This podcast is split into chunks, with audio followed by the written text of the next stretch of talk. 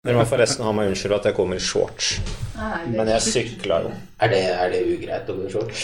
Nei, Jeg tenkte her går det bra. Gud trøst er du regler for de nå. Jeg tenkte i og med at vi har en sånn næringslivstopp som Jens her, så tenkte jeg på å Slutt si det. opp. Bare for, bare for å få det formelle unnagjort. Hva? Seriøst. Slutt. Vi kjenner hverandre relativt godt, da. Så eh, for, eh, for dynamikken i samtalen så kommer nok det til å merkes litt, tenker jeg. Ja.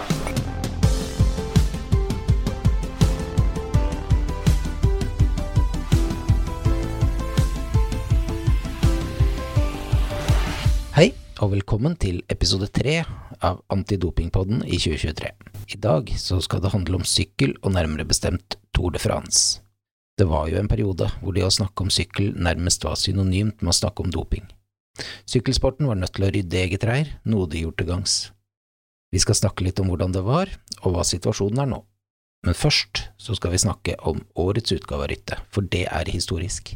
For første gang er det med et norsk lag i feltet, nemlig Uno X Pro Cycling Team.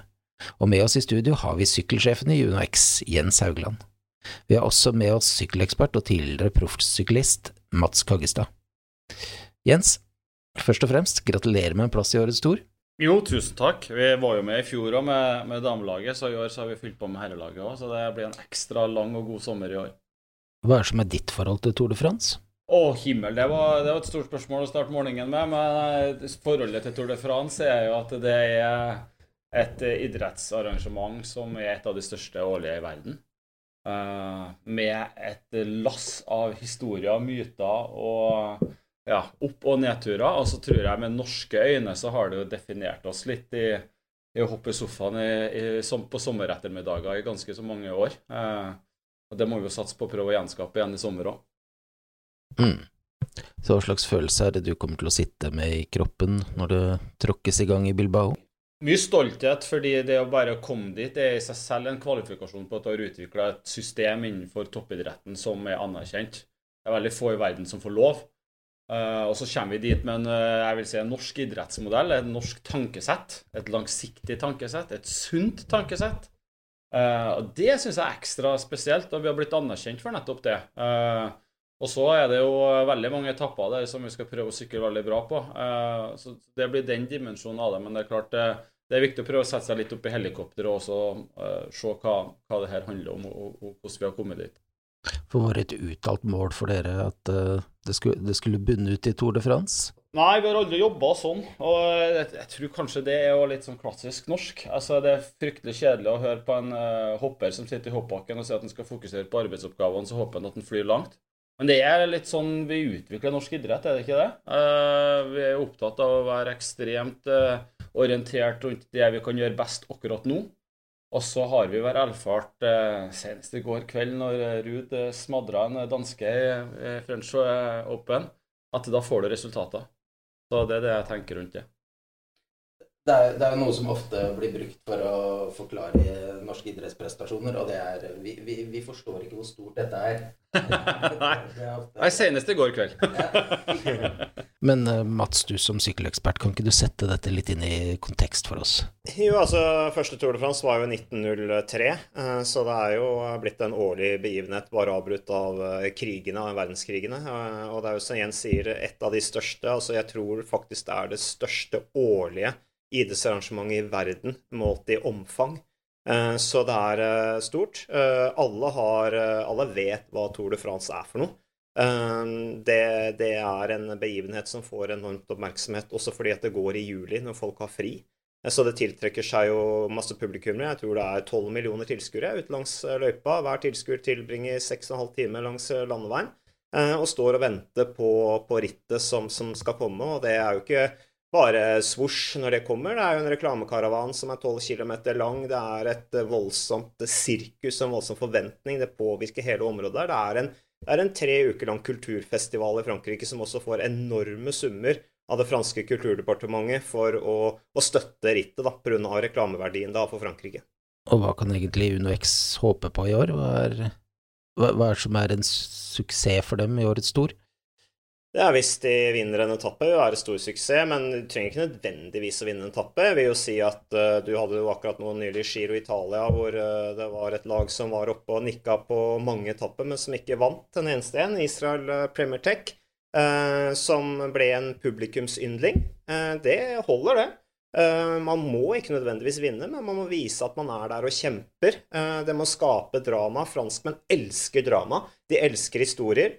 Eh, og det tror jeg Unox kan være med å skape, gitt at de selvfølgelig er i form. det, det, er, det ser vi jo litt nå. Nå er de første oppkjøringsrittene, men de har vært gode til å forberede seg før. Og, og, de har talentfulle ryttere, f.eks. Tobias Halen Hansen, som liksom er en av de virkelig unge rytterne med stor X-faktor. Eh, sånn at uh, det er klart det ligger godt til rette for å, å, skape suksess, men det trenger ikke bare å handle om resultatene, selv om det optimale er å vinne en etappe. Og da tenker jeg med, med veteranen Alexander Kristoff, som kanskje er, det, er deres mann som, som, kanskje er nærmest å kunne få til det, da. Hva tenker du? Det er godt oppsummert. Jeg betaler Mats etterpå. Eh, men nei, jeg syns det er godt oppsummert. Det er, det er høyst realistisk at både med måten vi sykler på. Vi er ikke så opptatt av å være TV-brudd, vi er opptatt av gode sportslige prestasjoner. Uh, vi kommer til å sette oss i en vinnerkultur. da Det skapes jo ikke bare gjennom å vinne. Det skapes først og fremst gjennom å sette deg i posisjon så ofte som mulig til å ha sjansen til å vinne. Og der er vi ganske gode. Uh, og så er det så små marginer i toppidretten at uh, det kan være en punktering eller det kan være en dårlig mage som feller oss den enkelte dag. Og så kan det være plutselig være sånn at stjernene står riktig vei, og så står vi og hopper på Champs-Élysées Det er en verden vi aldri har vært i før. Så det er lov å drømme, og det må man tørre å si. Ja, har dere noe uttalt mål for Toren, da? Ja, jeg har gått ut og sagt at vi har mål om å vinne en etappeseier. Og grunnen til at jeg gjør det, det er fordi at jeg orker ikke det maset om eh, hva med sammendraget. Uh, og jeg ønsker ikke å legge det presset på utøverne heller. Det er helt urealistisk at vi skal fokusere som system på et sammendrag i Tour de France første gangen vi er der. Det er utrolig mye, mange nye erfaringer vi skal gjøre oss. Um, så, er, og det er òg noe med dynamikken i det å stå opp hver morgen. Sykkelveit er veldig brutalt. da, Det kan gå ordentlig åt skogen, og du kan ha mista to ryttere i en velt, og alt er bare mørkt. Men det, det å stå opp morgenen etterpå med ny energi og troa på at i dag er dagen det, det, er klart det etappemålfokuset det hjelper også med den, det, det tankesettet. da. Så jeg mener at det er riktig inngang for vårt system i år. Mm. Ja, jeg kan jo bare si at uh, det der å, å, å starte Altså, vi, vi, vi, håper jo at det blir en bra start. Og det er jo som Jens sier, det, blir, det er veldig dramatisk med, med, med, med, sykkel og Tour de France. Det er, det er så små marginer. Og det er klart, de første etappene i Baskenland Uh, første etappen av Tour de France er, er, ekstremt nervøse, og det er veldig mye som kan gå galt. Så i første omgang så bare krysser jeg fingrene for at de kommer gjennom de første dagene uten skader og uhell og ikke sant, at det er noe sånn veldig negativt som skjer. Men, men, det er samtidig en del av sporten. Det er en del av historiefortellingen og kampen videre, og hvordan man da mobiliserer når man ligger nede og alt dette her. Det blir utrolig mye spennende å følge med på. Dere er jo kjent som et ganske offensivt lag, men du sa jo nå at dere ikke vil gå for TV-brudd. Eh, hvordan er det vi vil se det offensive Uno X i Toren? Nei, Det er jo eh, et godt spørsmål. Grunnen til at jeg sier det med TV-brudd, er at det, det, det, har vært mange runder med det i Tour de France, der man eh, kommer inn først og ser på rittet klokka fire, for man vet at det var stille og rolig i fem timer. Poenget mitt med å si det, det er det at vi gjør valg i rittet som handler om sportslig prestasjon. Vi har ingen, Det er ikke sånn at jeg sier til rytterne i dag skal du pelle deg i brudder og ligge fire timer ut her, for da sitter vi alle og klapper i hendene fordi vi får merkevareeksponeringer. Det skal vi få gjennom å være rå og sykle som lag. Så vi skal i så fall være i det bruddet hvis vi mener at det tjener oss sportslig. Eh, så det er det jeg mener med det. Og så hvordan vi ellers skal gjøre det. Jeg tror vi skal være ekstremt offensive i det å være i brudd som vi tror kan gi oss noen ting. Det å akseptere at enkeltdager så skal vi ha is i magen og spare litt på kreftene. Det er tre uker. Det er over 3000 km på en sykkel. Så det er, det er en brutal eh, belastning for kroppen. Eh, så det gjelder å være smart og klok, og vi har heldigvis kloke ledere med oss som skal dirigere det her ungguttene, pluss en veldig klok Aleksander, som, som, kommer til å sørge for at dette blir riktig. Og så vil jeg bare si at Tour de France er så stort nå Eh, at det har forandra litt dynamikken også de seneste åra. TV-bruddenes tid, i hvert fall de to årene jeg har kommentert nå, har vært eh, De har ikke eksistert. Eh, hvert brudd har vært en kamp om å vinne etappen. Eh, og arrangørene har lagt opp etappene på en måte som gjør at veldig sterke brudd har kunnet slite seg løs. Det kan de designe sjøl ved å legge inn bakker tidlig og sånne ting. Og de, man vet omtrent på forhånd hvem som kommer til å stikke av gårde. Og de kjører så hardt at det er ikke hjelperyttere nok bak til å hente de. Og nå er det åtte ryttere i Tour de France istedenfor ni. Den ene hjelperytteren ekstra, han betyr veldig mye. Så det er bare om å gjøre å komme seg i brudd nå. Eh, og der foregår kampen. Eh, og det er, eh, det er hver eneste dag minner mer og mer som en sånn vårklassiker som jo alle sykkelinteresserte hyller fordi at det er så mye action og det er så mye som skjer tidlig. Og der ser vi også i vårklassikerne. Finalene starter allerede 100 km før mål. Så det er om å gjøre å ha gode bein. og Stilt til start i Bilbao. Ja, Så det blir ingen kjedelige etapper i år? Er det, det, det jeg sier, er at sånn vi sånn klassisk sett kjenner sykkelsporten, med disse TV-bruddene og man har lange faser hvor man kan snakke om ditt og datt og sånne ting Når jeg kommenterte Tour de France i fjor, så var det lite slott, lite broer, lite fjell, nettopp fordi at produsenten tar det ansvaret. Når det skjer mye sportslig, så filmer man det sportslige.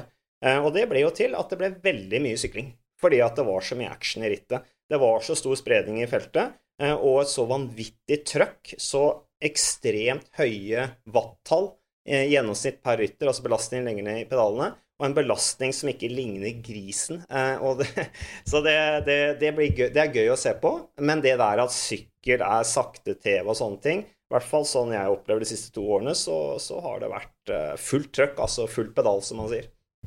Ja, vi får håpe at det er sykkel som også står i fokus i årets stor.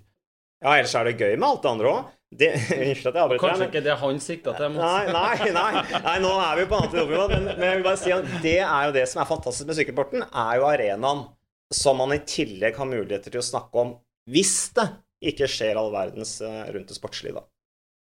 Men uh, Jens hadde rett i det sikta til, sikta til noe annet. For dere er jo på antidopingpodden. Uh, ja, det glemte vi litt. uh, Og en av konsekvensene ved å avdekke dopingbruk i e-, egen idrett, er jo at idretten får et rykte på seg. Mm. Eh, og det har blitt gjort en stor innsats i sykkelsporten, en nødvendig innsats. Men hva, hva tenker du om den dopinghistorien som er der, og som har ligget som en skygge over Tour de France i flere år? Er, det, er, er den skyggen fortsatt der? Det er jo en del av historien til sykkelsporten. Og så vil jeg jo si at uh, sykkel var den første idretten hvor på en måte man ble bevisst dette med doping. 1967, da, da Tom Simpson døde opp Mont Ventoux, da kom den første erkjennelsen at vi har et problem. Men det handlet jo ikke om juks og fanteri. Uh, det handlet om rytternes helse. Uh, og nå feiret dere 20-årsjubileum i går. 20 år i en historisk sammenheng er ikke veldig lenge.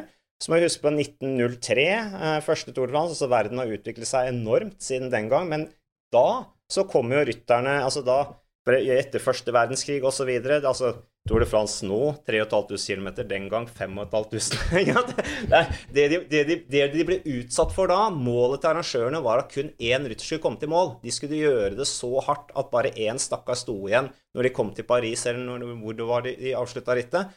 Og, det var gjerne soldater som kom opp fra skyttergravene. ikke sant? Hadde lært seg knepa med amfetamin og alt mulig rart. Og arrangørene oppfordret de til å dope seg fordi at det ga bedre underholdning for publikum og gjorde at de ville kjempe tettere og sånne ting. Så jeg mener, juks i gamle dager, det var jo å, å putte kløpulver i sykkelbuksa på konkurrentene og skjære over gaffelen deres og henge på biler og sånne ting. Tatt, første som ble tatt, tok toget, ikke sant. Så, så, så jeg vil jo si at det har utviklet seg enormt, men det var jo altså, Antidopingkampen er jo helt ny i et historisk perspektiv. Eh, og da vil jeg jo si at eh, fra å være den mest utskjelte som sykkelsporten var, eh, så er det blitt en anerkjent idrett når det gjelder antidopingarbeid. En første idrett som hadde et uavhengig antidopingorgan, ledet av Rune Andersen, som jo er en høvding innenfor det internasjonale antidopingarbeidet. Fikk heldigvis en pris for et par år siden. Så, så der, der fra å være den mest utskjelte, så har sykkelsporten eh, gått foran som et godt eksempel. Og så er det en kamp i antidopingarbeidet i dag. Eh, nå, har, nå, er det IOC som igjen tar mer og mer over. Eh, så det er viktig å være klar over alle de motsetningene som er, og diskusjonene og, og rolle, rollekonfliktene som oppstår i forbindelse med det. Da. Men jeg syns jo sykkelsporten har blitt litt urettferdig, vært en hakkekylling. Men sånn er media. Sånn er, sånn er på en måte politikk og alt. Man må ha en hakkekylling. Og jeg syns jo det var Jeg ble jo fornærma på vegne av sykkelsporten når når IOC-ledere snakket om at man vil utestenge sykkelsporten fra OL fordi at det er positive dopingprøver i sporten. Det sier jo bare hvor latterlig hele diskusjonen er. Da er det jo bare, oppfordrer man jo bare til å kutte ut antidopingarbeidet, da. Eh, og det er jo dessverre vært problemet for, for internasjonal idrett. Eh, det er jo det at de prioriterer ikke antidopingarbeidet fordi at det er veldig dårlig reklame for sporten å drive med det. Og så lenge man ikke er uavhengig, eh, så, så blir det jo sånn. Da blir det bukken og havresekken. Men vil du si at dette er et bevisst valg sykkelsporten tok, eller ble de mer tvunget inn i det pga. dopingskandaler som f.eks. Lance Armstrong-skandalen? Ja, det starta egentlig med Festina-skandalen 1998. Eh, og da var jo ikke WADA oppretta engang. Uh, så, ikke men det var et vendepunkt, så sykkel har vært med på Med negativ fortegn, selvfølgelig, vært med på å, å, å skape de litt milepælene i, i, i internasjonalt antidopingarbeid. Eh, men, men, eh, men, eh, det har jo Altså, det er, er først fra 1998 og oppover at det har skjedd ting. Sånn at den kampen er, er, godt i gang. Og det som vi også merker nå, er jo at ryttere, bl.a. dette her med taushetens Stillhetens lov, da, som er sånn mafiabegrep som jo også eksisterte i sykkel. Nå er det jo helt vanlig å snakke om doping. Alle rytterne er vant til å snakke om det. Det er Eh, alle, alle sportsdirektører sånn, det, det, er bare sånn det er. Og, og, jeg tror også at det er en sånn erkjennelse i miljøet nå at det er noe man snakker om fordi at uh, det er en del av historien. Og, og, det bygger også troverdighet ved at vi faktisk er åpne om det. Uh, og vi snakket jo litt før vi stilte på den podkasten her også om hvor hardt rytterne jobber i dag. Altså når jeg var proff, det var ikke så vanlig med høydeopphold og jobbing med aerodynamikk og kosthold og sånne ting som det er i dag. Og jeg tenker at det er veldig positivt å se hvor hardt utøverne i dag jobber med helheten, og lagene, støtteapparatene nå altså, Det er noe helt annet nå enn en, en det var før. Uh, og jeg tror en viss del av uh, Før kunne man kompensere litt mer med andre metoder også, som, som, ikke er like lett i dag, da. Stemmer det som Mats sier, at det er mye snakk om doping blant ledere og syklister?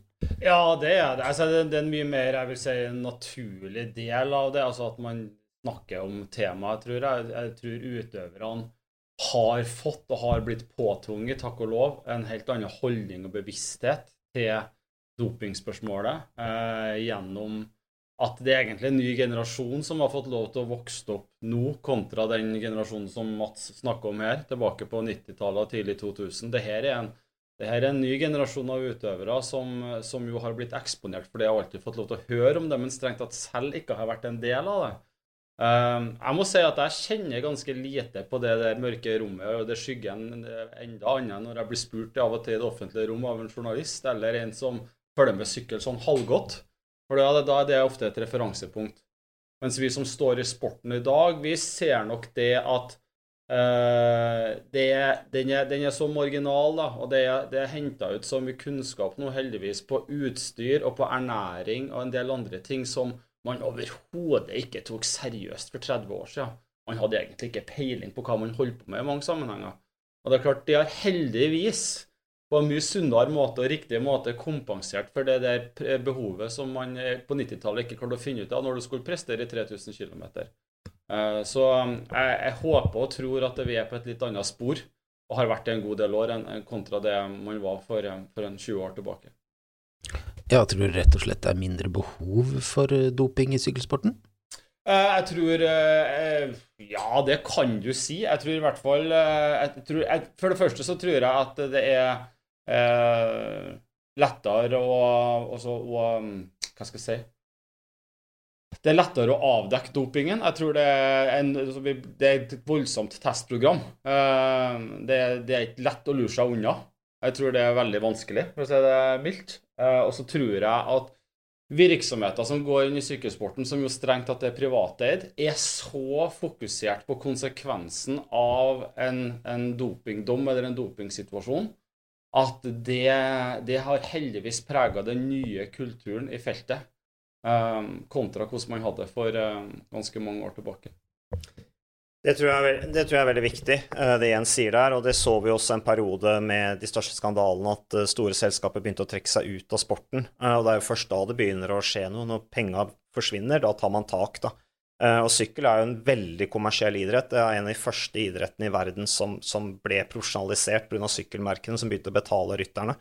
Så det er klart, når omdømmet til selskapene som sponser disse lagene, får seg Altså at det blir dårlig omdømme for de, så er klart, da, da må man ta tak, da, for da, da, da, er jo hele modellen i ferd med å, å, å ødelegges. Men, men, det er jo som Jens sier der, det er ikke det at det ikke er Altså, det er klart det, du, du vil jo ha stort utbytte av å dope deg, eh, men det er bare det at eh, rytterne tør ikke, fordi at testregimet er bedre. Og så er det også dette her med kulturen, at de private selskapene, sponsoren, sponsorene, har, å, ha, har bidratt til å påvirke kulturen i en positiv retning, nettopp pga. Omdømmebyggingen, som eh, omdømmebyggingen som er så viktig del av sponsoratet. Jeg tror et vanvittig nøkkelord i denne saken her er tillit. For jeg tror, og jeg har ikke vært toppidrettsutøver selv på det nivået, men jeg, jeg, kan forestille meg at hvis utøverne i bredt fellesskap har tillit til at man er omgitt, eh, stort sett i hvert fall, av et system som forvalter at juks ikke forekom, kan forekomme, eller forekomme, så øker du sannsynligheten for en ren idrett. Men på 90-tallet og tidlig 2000 så var jo ikke den tilliten der. Og da, da satt utøverne med et bilde, tror jeg, på at hvis jeg ikke eh, lurer meg noe lurerier, så, så, jeg, så, er ikke jeg en del av de 200 andre som gjør det i det feltet her, og er sjanseløs i utøvelsen av sporten min. Da, da har du null tillit sant, til systemet og rammeverket rundt. Og det, det, tillitsnivået nå, det tror jeg er veldig, veldig mye bedre, heldigvis, eh, enn en hva man hadde før. Så, så, så det, det, det, er ikke sånn at dere ledere går og hvisker og tisker med hverandre at det er laget ja, sånn, sånn, er det, sånn er det i all sport. At hva er det, hva er det de har funnet på bortpå der nå, som vi ikke har skjønt? Og, så sånn er det jo. Men at du peker liksom på at ja, det, de har funnet et medikament som ingen har hørt om, det er ikke sånn retorikken foregår, nei. Uh, men det, det, er klart det at det, som vi for, det som man fortsatt skal være obs på, og ta på det største alvor, la oss for guds skyld ha et råsterkt testprogram verden over. Det er et globalt spørsmål. Sykkelsporten er global. Det er et viktig element å huske på. Uh, og så er det å, å mane til å jobbe uh, ufortrødent med holdningene til utøverne, til lederne dette her. Jeg skal ærlig innrømme det. altså Mats kan jo bekrefte det, men jeg, jeg omgir meg jo med ledere i andre lag som har vært del av dopingproblematikk før. Uh, og det, det, er et par ganger man går og trekker pusten litt rundt det. For det, ja, men altså, det, vi ønsker å skape en ny og bedre verden, for å være helt ærlig. Uten å bli for mye klisjépelle. Uh, og det er klart det, det, er fortsatt sånn at vi er i noen generasjoner her der den reisen skal gjennomføres. da.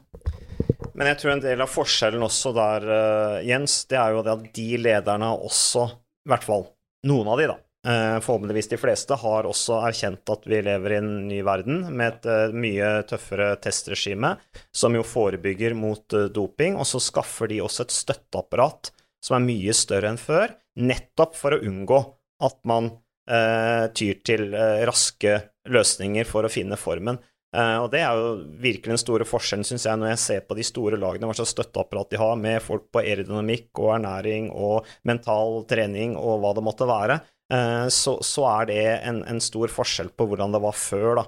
Eh, så, og vi hadde jo også massører i Crédit Agricole som hadde vært en del av det tidligere regimet, for å si det sånn.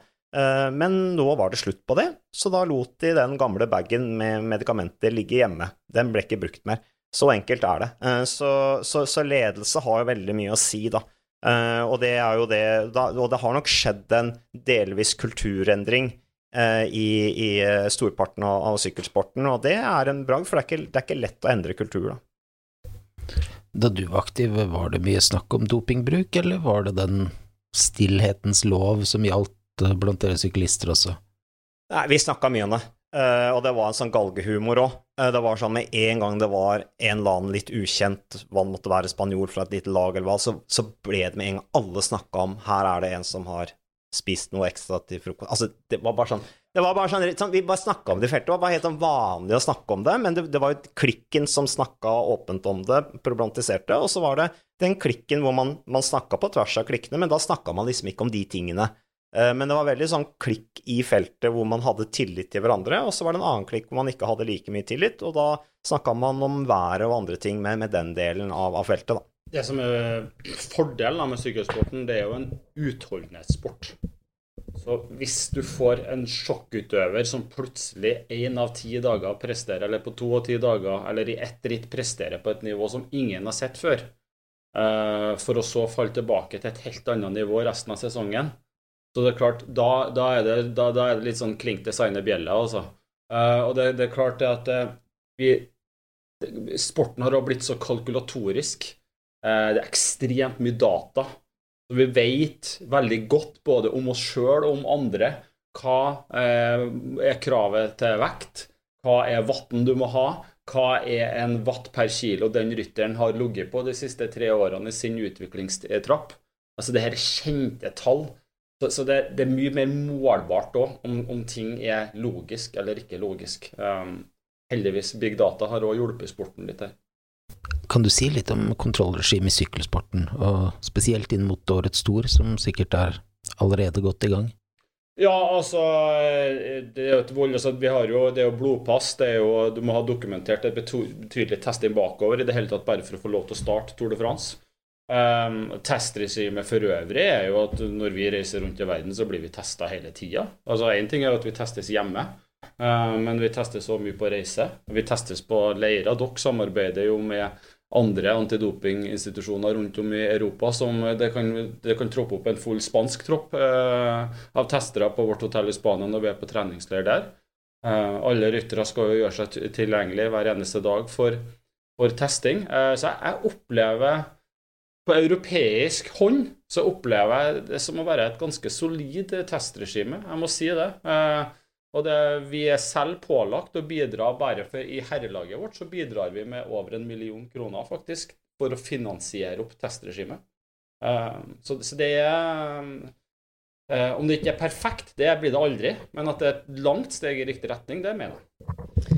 Ja, det vil jeg også si. at sånn som Da jeg var amatør i Frankrike i 2001, eh, sammen med fire andre nordmenn, bl.a. Gabriel Rask, som nå er sportsdirektør i, i UnoX, så allerede da var vi en del av eh, begynnelsen på et blodpass. Vi måtte inn fire-fem ganger i, i, året og levere en blodprøve for at det franske forbundet eh, monitorerte blod, blodprofilene våre for å ha en, en, en lisens i Frankrike. Så sykkel har vært ganske langt foran lenge. Uh, og, og, og, det der med økonomi, altså hvordan det er satt i system, og det er hele poenget. Sykkel har vært langt framme tidlig med å sette ting i system, og det antidopingarbeidet er kjempedyrt. Og det er jo en grunn til at uh, en del idretter ikke uh, prioriterer det òg. og det har de funnet en finansieringsmodell på da, i sykkel, ved at rett og slett lagene og rytterne er med og betaler. Det er vel også sånn Jens, at en del av pengepremiene går til antidopingarbeidet. så så det er mange kilder inn da, for å betale for det her eh, gildet, som jo er bra, for det bygger troverdighet. Følte du at eh, testregimet var omfattende og godt når du sjøl var aktiv? Ja, det vil jeg si at det var eh, det, i, i, På den tid så var det, var det bra utvikla. Men, men, det har jo utvikla seg veldig mye siden da. Jeg var, jeg var, en del av Blodpass i Frankrike, men jeg var ikke en del av Blodpass internasjonalt, sånn som det har blitt i senere tid. da. Eh, så, så, men det er klart at vi var jo livredde for å få i oss noe som vi kunne teste positivt for. Eh, det, det var man allerede da, så, så, vi var ikke akkurat eh, Vi tok ikke lett på det. Og det var jo fordi at det var en viss fare for å bli tatt, da. Det her er det som jeg syns er nesten aller mest krevende i dopingproblematikken. Det er det at jeg, jeg, kan selv være garantisten for om vi driver på med noe systematisk tull eller ikke. Men jeg er, jo, jeg er jo ikke garantert for én ting Jeg er ikke garantert at en uh, rytter mister hodet og er unnskyld uttrykket, en idiot og, og, gjør en tabbe i livet sitt og, og, velger å gjøre noe som ikke er greit. Eller at rytteren er uheldig og ubevisst, eller mindre bevisst, da, får i seg noe. Uh, det, det, er nesten det, det, det som jeg syns er det mest krevende med det her. For jeg vet at systemet totalt sett overhodet ikke uh, tenker i de baner. Men jeg, kan, jeg er jo aldri garant... Jeg har 60 utøvere på kontrakt. Og det her er 60 individer med ulike personligheter, behov, livssituasjoner. Og så kan du gange opp det med veldig mange flere. Jeg er jo opptatt av også i dopingspørsmålet, og vi har hatt historie opp igjennom i sykkelsporten i Norge òg. Det her er jo faktisk bare mennesker. Og mennesker gjør òg feil, så det vi, så godt vi bare kan gjøre som ledere og systemer, er jo å skape holdninger og verdier som sørger for at vi finner bedre veier i det enn å jukse. Eh, da vil jeg bare si en ting, og det er også i, i, i det norske perspektivet på doping. Eh, jeg snakka om at jeg ble fornærma på veien av sykkelsporten. Eh, selv om det kosta for de utøverne det gjaldt, så er det klart erkjennelsen rundt doping ble en litt annen i norsk sammenheng, med Jon Susymby og, og, og, og, de sakene som kom der i, i langrenn, med Therese Johaug også. Uh, da gikk øynene litt opp for norske publikum. Og å ja, doping er ikke svart-hvitt, nei. Og også blant våre utøvere så kan man faktisk teste positivt, for det var jo det var jo ene krigsoverskriften etter den andre eh, før det, med annet, la oss ta et eksempel, Simon Yates, som fikk en jeg tror det var to eller tre måneders utstengelse fordi han ikke hadde papirene i orden rundt astmamedisin. Akkurat det samme som egentlig med, med Jonsu Symby-saken, sånn rent juridisk. Eh, men det var da krigsoverskrift, annet i vår egen TV 2, med ny dopingskandale i sykkelsporten. Og da var jeg ute og sa at det der er ikke en dopingskandale. Det er altså en tre måneders utestengelse for papirarbeidet. Det, det, det, kan dere ikke kalle en dopingskandale.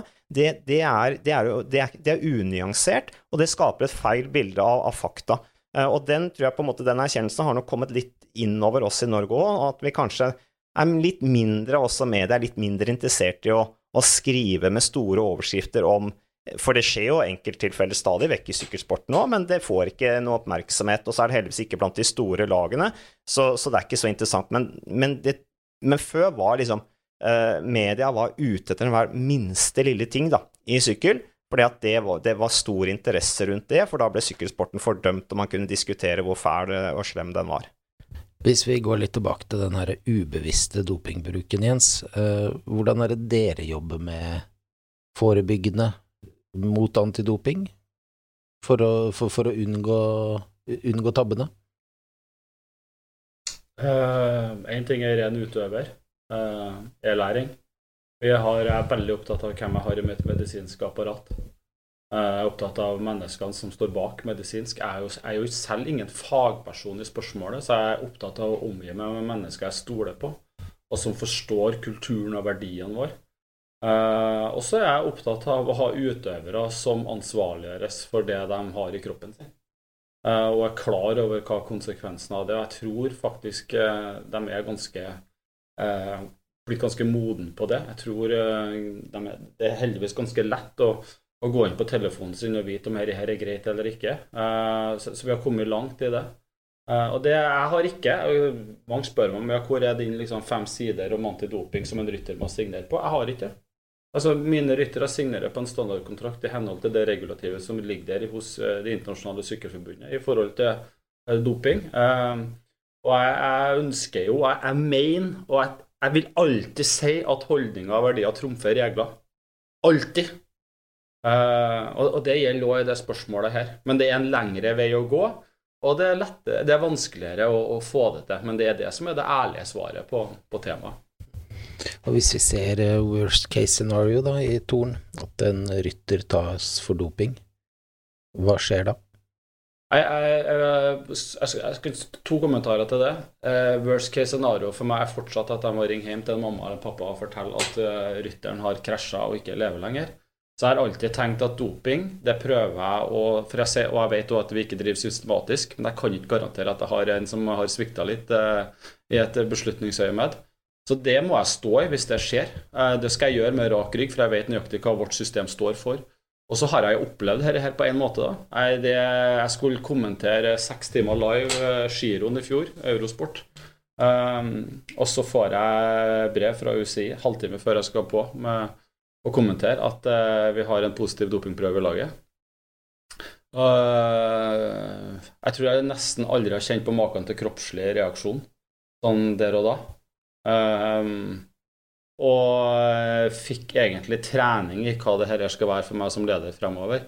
Det som jo viser seg, og den historien er jo kjent i det offentlige rom, det er derfor jeg også kan snakke om det, det er jo det at vi har en utøver som eh, slår ut på et hormon fordi han har fått testikkelkreft. Eh, så han blir jo ikke suspendert eller noen ting, og i, i den positive dopingprøven så står det jo Og det syns jeg UCI og, og de, de, det var veldig godt beskrevet at her er det muligens andre forhold enn doping som er gjeldende, og vi anbefaler sterkt og umiddelbart eh, gå, i kontakt med det medisinske apparatet vårt. Um, så det, det, gjorde at jeg fikk trening i hva er det som skjer når noe så ille og ubehagelig oppstår. Samtidig som jeg òg lærte at eh, man, må, man, må, bli klok på hva det, det, det papiret inneholder, og hva man skal gjennom. Jeg kommer aldri til å glemme den samtalen. Jeg ringte umiddelbart til utøveren. Så sa jeg jeg kjenner utøveren veldig godt. Han sykler et av oppkjøringsrittene nå og kommer til å sykle Tour de France. Jeg spurte har du gjort det. Har du gjort tatt noen ting? Nei, og jeg, jeg visste svaret. Men jeg spurte for å ha gjort det. Overhodet ikke. Han var utrolig lei seg, selvsagt, men også prega av at han sannsynligvis kunne høre, ha andre ting i, i, kroppen som ikke var greit. Mm. Det var en eh, ganske småvill historie, for å være helt ærlig. Men òg en, eh, en god trening. Noe så absurd som å si det, men det var det. Hvor skadelig vil det være for Uno X å få en dopingsak? Jeg tror jo eh, Det kommer jo an på hva slags type sak det er. Uh, og, og, og, det er som Jens sier, altså hvis en eh, utøver tester positivt for noe de kan frikjennes for, så, så, så, så må man jo se, se, se, saken for det den er. Og det tror jeg også ikke sant? Det verste er hvis sponsorene trekker seg ut. Nå er jo nå er det jo UnoX som eier sykkellaget, eh, men det er klart at eh, de har jo et styre og sånne ting, så hvis, hvis omdømme Hvis de sier at dette her er dårlig for omdømmet, så vil de jo trekke den, den, satsingen. Men jeg tror jo da et styre vil se at her er det en, en, en utøver som ikke dopet seg med, med viten og vilje.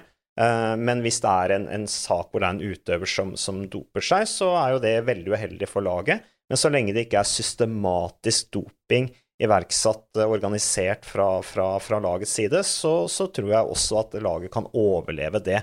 Eh, for det er jo som Jens sier, man er ikke, man er ikke 100% sikker på hva en utøver kan gjøre, samtidig som det, det jo, da må det jo gå en runde med seg sjøl og si hva, hva, var det som gikk galt her?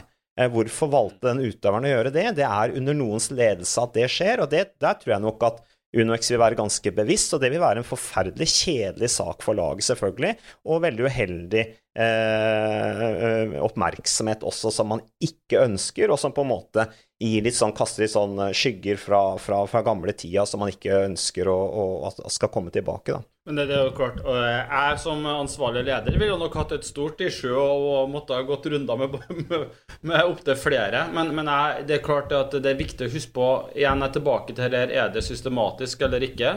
Er det en utøver som har vært uheldig eller vært en idiot eh, for seg sjøl? Dette er en arbeidsplass for over 100 mennesker. Eh, så, så, det er klart, eh, jeg ville ha stått på barrikadene for å tatt ansvar for situasjonen, men også selvsagt tatt vare på alle de utøverne som hver eneste dag prøver å være en så god versjon av seg sjøl som mulig som topprettsutøver. Vi, vi, legger ikke ned landslag i langrenn eller i skiskyting eller i hopp hvis det er en som har dyttet i seg noe lurerier heller. Vi, vi, så, så det Vi må huske på helheten i det, fordi det er veldig lett å la de store overskriftene eh, overstyre eh, langsiktige, gode beslutninger for både den personen som er involvert, men også for systemet totalt sett. Det her gjelder jo å ha is i magen, og det mener jeg de beste systemene og de beste lederne har. Ja, og der sier jo Jens noe som er viktig, da. Eh, det er det der Ok, la oss si at man får en positiv dopingprøve, da. Skal man da legge ned sporten pga. det? Altså, det, det, det, det, blir jo helt feil. Eh, det, det vil jo da sende et signal ut til resten av idretten om at for guds skyld, vær forsiktig med antidopingarbeidet. Da man sier ok, vi har et kontrollregime som fungerer. Dessverre så valgte den utøveren å ta eh, medisiner eller, eller, dopingpreparater som er ulovlig, men vedkommende ble tatt. Det skjedde i vårt lag, det er vi veldig lei oss for, det må vi ta en gjennomgang på, men vi fortsetter å satse og lærer av det her. Det er, det er, er sånn man bør håndtere dopingsaker i fremtiden, etter min mening. For det er veldig trist når eh, sponsorer forlater et system som da egentlig fungerer. Ja, nettopp. Og det var jo noe av innledninga mi òg, at det blir jo det, det, må jo føles litt urettferdig når man faktisk gjør en god jobb, og man får et dårlig omdømme av det. Mm. Ja, og det er jo som la oss si at det er et, eh, en bank, da. Der jobbes det knallhardt med hvitvasking i disse dagene. altså Hvitvaskingsavdelingen i de ulike bankene vokser jo som bare det, for de er livredde for å være involvert i noe som er ulovlig. Men la oss si at det dukker opp en sak, da, og så blir det en skandale. Skal man legge ned banken? Ikke sant? Det skal da 1000 mennesker miste jobben? Nei, da tar man tak i det, og så, og så, og så gjør man systemet enda mer robust for framtida. Altså, jeg, jeg, mener jo det, det vi egentlig sier her, at antidopingarbeidet det er jo til for å beskytte utøverne, for å skape tillit, og også for å beskytte idretten. Eh, fordi idrettsinstituttet er jo magisk på så mange måter at det må vi jo verne om. Og det er det som er avgjørende med antidopingarbeidet. Det er jo for å sikre at vi har en ren og sunn idrett. Uh, og, det, og det, det, tror jeg faktisk utøveren uh, føler sjøl òg. Jeg tror utøvere i dag er, er, Det er ikke noe hemmelighet. UNEX samarbeider jo tett med Johannes Klæbo. Jeg har vært sammen med Johannes jeg, når, han, uh, har, når han skal bli testa. Fordi det, det skjer jo stadig vekk. Og liksom, Jeg husker ene, ene gangen Johannes sa det. Åh, oh, yes, perfekt, får jeg tatt den nå, fordi jeg vil ikke ha noe huller i de greiene her. Jeg skal, liksom, jeg skal vite at jeg hele tida har en fin rekke av det å bli testa. For det er bare et klink å ha dokumentasjon på at det her er det ikke noe huller. Så det er sånn, eh, De kjenner på dette her sjøl, og, og er veldig klar over omstendighetene. Eh, sjefen for USADA, eh, Travis Tigert, han fikk jo spørsmål om årets felt i Tour de France og han mener at feltet hovedsakelig er reint. Hva tenker du om det? Ja, at han sier det. Eh, han er en godt informert eh, mann, og han legger ikke noe imellom hvis han mener at det ikke er det. Så han har nok tillit til, til sykkel, ja, og veit at sykkel har gjennomgått en skikkelig runde med oppvask. Eh, som da har ført til mer troverdig sykkelsport. Så jeg, tror det er all grunn til å tro på Travis Tigert hvis han, han sier det. Samtidig så tror jeg også han er bekymra for at også uh, antidopingarbeidet i sykkel tar stadig mer over, bl.a. av IOC og ITA, altså International Test Authority, eller hva de kaller seg. Uh, det er ikke det at det nødvendigvis uh, Altså, testregimet er bra. Sånn. Problemet med det er at da må plutselig testarbeidet, eller altså testorganet til Internasjonale Sykkelforbundet, eller til, til Internasjonal Sykkelsporten, da, for å si det. Det er jo, ikke, det er jo uavhengig av, av Internasjonal Sykkelforbundet. Men de må da begynne å bruke ressurser på andre idretter, så det blir mindre ressurser til å følge opp sykkel spesifikt. Det er problemet med det, da. Men flott at Travis Tiger sier det. Sånn avslutningsvis, hvor mange etappeseiere Hvor mange? Ja, ja, det er Å, herlighet. Altså, tar vi, tar vi én etappeseier, så det er ingen som hører noe fra meg før ute i oktober, tror jeg, fordi da, da skal livet feires. Eh, det, det, ville vært en, det ville ha vært en drøm for, for oss, for norsk sykkelsport, eh, om, om, vi i det hele tatt klarte å ta én. Så eh, vi, får, vi, får, sikt mot det, og så får vi se hvor, hvor det bærer hen. Har du sett på noen etappe, eller Jens, som eh, du har prikka deg ut som ja, Her vinner vi. Ja, vi har det. Vi har gjort det. Det vet du at vi har. Jeg tipper du har sikkert fått eh, plan, så du er godt forberedt når du faktisk skal være eh, ekspert i mange uker framover her. Men eh, det er klart at uh, det er noen etapper her som vi er bedre skikka for enn andre. Jeg tror ikke det blir en massespurt vi tar det. Men vi har noen seiginger som er gode til å komme seg av gårde når det blir litt færre ryttere som uh, er kjøresterke. Så vi får se om vi klarer å finne det riktige punktet. Det som er spesielt i år, det er at uh, det er ikke, det er ikke Alpe d'Huez den biten der i Tour de France, men det er noen voldsomme harde etapper allerede i starten i Baskeland. For dem som har vært i Baskeland, i tillegg til å spise god mat og kanskje drikke litt god vin, så er det enormt lite flatt. Så det blir gøy. Det blir det definitivt. Og med det så sier vi takk til våre gjester Jens Haugland og Mats Kagestad. Og takk til deg som hørte på. Jeg heter Kjell Arne Jørgensen, og du har hørt på Antidopingpodden.